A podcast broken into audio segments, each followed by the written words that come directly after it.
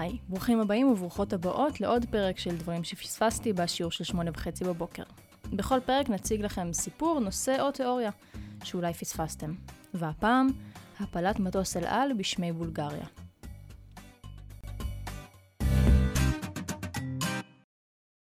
ב-27 ביולי 1955 המריא מטוס נוסעים של חברת אל על לדרכו מנמל התעופה הית'רו לנמל התעופה לוד. בדרכו לעצירת הביניים השלישית שלו באיסטנבול, יורט על ידי שני מטוסי קרב בולגרים מסוג מיג 15, לאחר שסטה ממסלולו המקורי ביוגוסלביה וחדר ללא רשות והודעה מראש, עקב תנאי מזג האוויר הקשים ששררו באותה עת, למרחבה האווירי של בולגריה. על המטוס, שיורט על ידי הכוחות האנטי-אוויריים של בולגריה, היו 51 נוסעים ועוד שבעה אנשי צוות שנספו. למעשה, המטוס יורט בעקבות חציית מסך הברזל בשגגה על ידי צוות הטיסה של המטוס עם חדירתו למרחב האווירי של בולגריה, אחת ממדינות הגוש המזרחי, בלב תקופת המלחמה הקרה. זאת כתוצאה מהמדיניות הביטחונית הנוקשה של מדינות החברות בברית ורשה, שנוסדה חודשיים מוקדם יותר, וגרמה להגברת כוננות כוחות היחידות האוויריות בשטח. יום לאחר האירוע זומן ציר ישראל בסופיה למשרד החוץ הבולגרי ונמסרה לו איגרת בה נאמר לאחר שחדר מטוס הנוסעים הישראלי למרחב האווירי של בולגריה בשעה 7:30 בבוקר, מערך הנ"מ הבולגרי הזהיר את המטוס וביקש ממנו לנחות מספר פעמים, זאת בהתאם לתקנות הבינלאומיות. לאחר שהמטוס לא שעה להנחיות מערך הנ"מ, האחרון פתח באש וכתוצאה מכך המטוס התרסק צפונית לעיר פטריץ'. ממשלת בולגריה הקימה ועדת חקירה ממלכתית מיוחדת בכדי לנסות לברר מה קרה באירוע הנ"ל.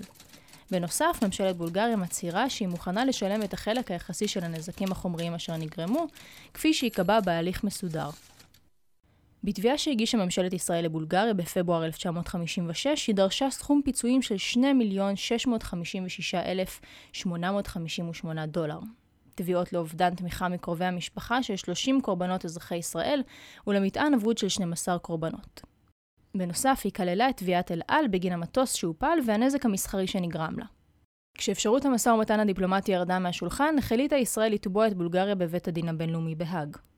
ישראל ביקשה לדון ולהכריז כי בולגריה אחראית תחת החוק הבינלאומי ליירוט המטוס ולאובדן החיים והרכוש, וכתוצאה מכך לנזק בהיקף של 2,658,144 דולרים. התביעה שהוגשה לבית הדין באוקטובר 1958 נדחתה כשבעה חודשים לאחר מכן, בתואנה כי אין לבית הדין את סמכות השיפוט לדון בתביעה. זאת מכיוון שבולגריה הצטרפה לאו"ם בדצמבר 1955, ולכן לא הייתה כפופה למרות בית הדין בעת עירות המטוס.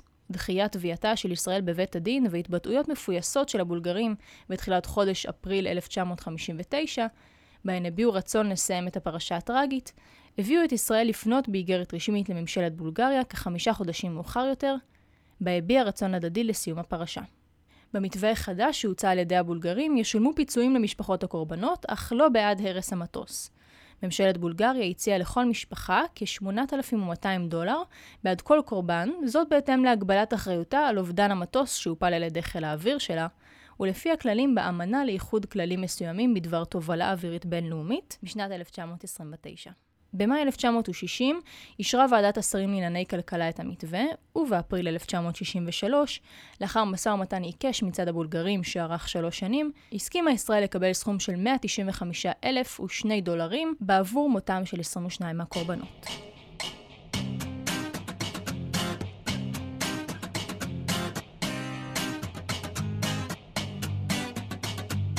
זה היה עוד פרק של דברים שפספסתי בשיעור של שמונה וחצי בבוקר, שכתב צבי לוי. תודה רבה צבי.